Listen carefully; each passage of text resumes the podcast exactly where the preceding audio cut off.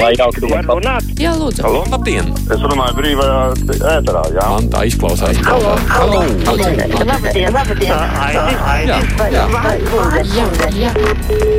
Varu runāt? Jā, lūdzu. Mēģiniet. Jā, jā. Tāruņa numuru Tāruņa numuru numurs studijā studijā 6722 888 672 559 Varat mums arī sūtīt ziņu no mūsu mājas lapas.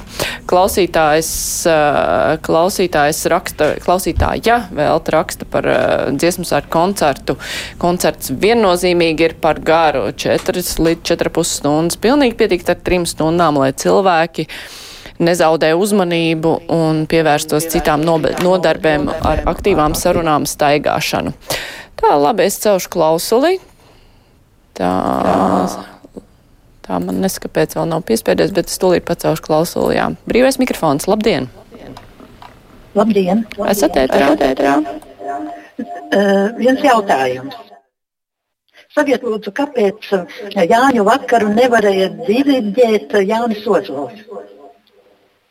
Jā, nu, uz šo jautājumu es nevaru jums, diemžēl, atbildēt. Tas ir jāprasa uh, tiem, kuri atbild par koncerta māksliniecisko pusi. Bet, protams, izklausītos skaisti, jā, Jānis Ozols.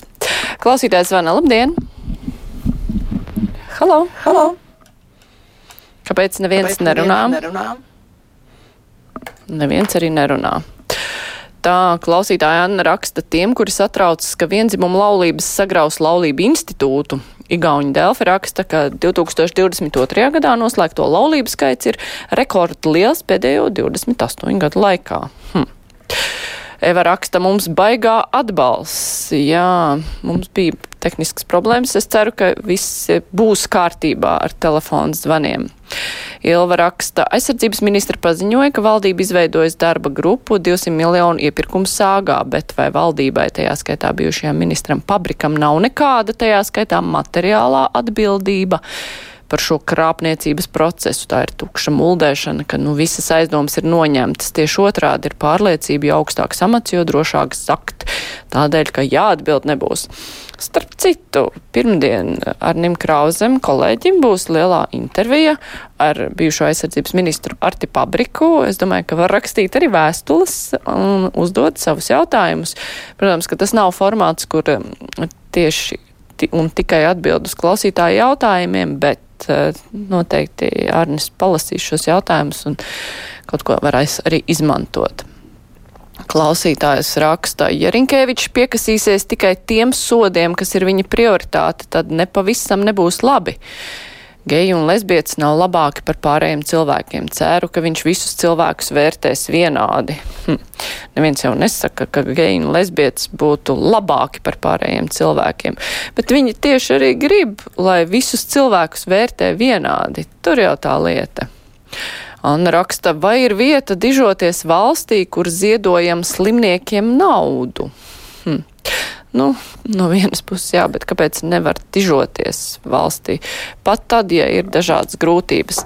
Es tagad ar aicinājumu kolēģiem, vai joprojām nav atrisināts jautājums ar atbalsi, kolēģi purina galvu, tā kā nāksies runāt man un turpināt lasīt vēstules. Tā klausītājs raksta, lieliski saprotu. Oi, nē, tur ir par kaut kādu firmu. Jā, par to mēs nerakstīsim.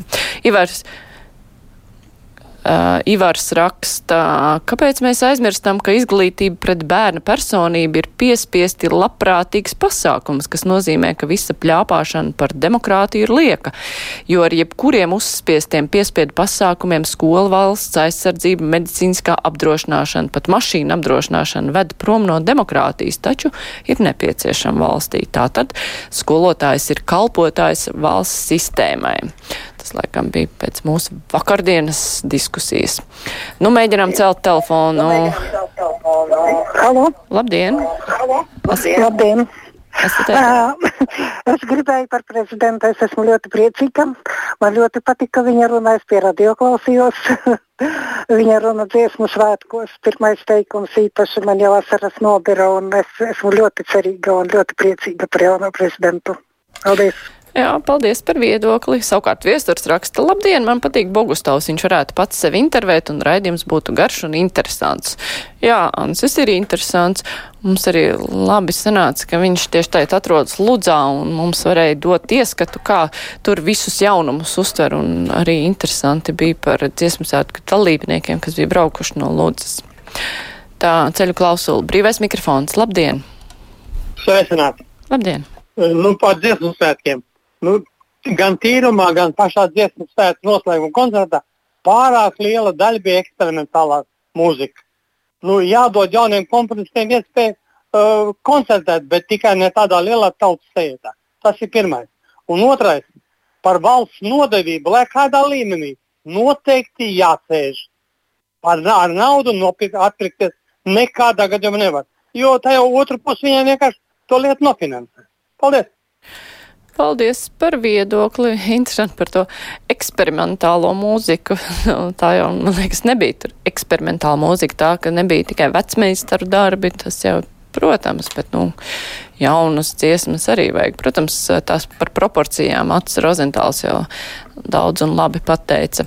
Klausītājs zvana, labdien! Halo! Labdien! Sveiki! Jūs mani dzirdat? Ja? Dzirdam, un jūs esat ēterā. Es esmu pensionāts mūziķis. Es tagad gribētu jums teikt par žurnālistiem. Jūs apspriežat mūzikas speciālistu uzvedumus, bet es jums teikšu par valodu. Sakiet, lūdzu, kā varētu jūs tikt valodā no tādiem E aizkavēšanās, A aizkavēšanās, veidot teikumu tīri latviskā garā, bez E, bez UNE, bez BT, un tā tālāk. Jā, paldies. Es saprotu, ka jūs aizrādat Latvijas radio ēterā runājošajiem, ka viņi žurnālisti tieši pārāk runā ar E un A, izmantojot šīm te domāšanas pauzēm. Nu, jā, protams, visiem vajag censties runāt tīrāk un labāk. Klausītājs zvana, labdien! Labdien! Esat ēterā? Jā, labdien! Halo! Labdien, esat ēterā! Uh, vat, es nu pat iegādājos vienu izdevumu. Viņš uh, saucas Latvijas noklusētā pagātne. Vai tas vā, tā vārdu kārtība ir pareiza latviešu, vai nevajadzētu būt noklusētā Latvijas pagātne? Paldies! Interesants jautājums. Ilze raksta par uh, dziesmu svētkiem. Ja tīrumā dziesmu svētku karoks tika novietots goda vietā pie diriģenta podesta, skatītājiem labi redzams, tad noslēguma koncertā tas plivinājās kaut kur augšā metāla režģī. Kāpēc tāda necieņa? Un Latvijas sarkanbalts sarkanais karoks vispār nekur nebija redzams, nerunāja par papīra karodziņiem koristiem, ko plivinātu dažu dziesmu laikā par dziesmu svētkiem šķiet arī kolēģim Arnim nākamnedēļ, kurš būs visu nedēļu. Šonadēļ bija es, bet nākamnedēļ būs Arnis. Arī būs diskusija, tur arī vērtēs noteikti šo māksliniecisko pusi, arī to, kā noformēt skatuve, par ko cilvēkiem jautājumi, tā kā tur varētu būt ļoti interesanta diskusija. Klausītājs zvana, labdien! Labdien! Gods un slava Latvijas dziedātājiem, koristiem. Tas tiešām bija brīnišķīgi, kādi mums ir vīrieši un kā viņi dzied. Bet man pārd, raisīja pārdomas tāda lieta. Mums ir brīnišķīgi diriģenti, un tas ir um, Sirmais, un tas ir Sigvards Kļava. Un, ziniet, un šie divi, es gribētu teikt, mūsu virsotni, nu, diriģēja tikai pa vienai vai augstākais. Man liekas, ka pat nebija divas dziesmas, bija vien, viena dziesma tikai. Un tāda mm, diriģente, kā, kā viņa sauc, ir Ševica, ja, kura vispār nepiedalījās ne ar vienu kori, koru karā. Starp citu, es noklausījos absolūti visu karu no visiem koriem. Viņai nebija neviena kora. Viņa diriģēja trīs dziesmas. Un es arī piekrītu tai kundzei, kas sacīja, tad kāpēc ne Jānis Ozols. Tam bija brīniš, viņam ir brīnišķīgs koris, un, un, un kas arī ieguva diplomātu vietu kaut kā tika tie labākie atstumti, un tie nezinu, no kurienes vilkt uz augšu pārējie. Jā, žēl, paldies par komentāru. Žēl, ka šeit nav acis Rozentāls. Viņš arī vairāk pazīst to virtuvi, kā tiek dalīts, eh, dalīt iespēja diriģēt. Tā kā, nu, tās ir tās aizkulises, par kurām mēs neko daudz nemaz nezināja.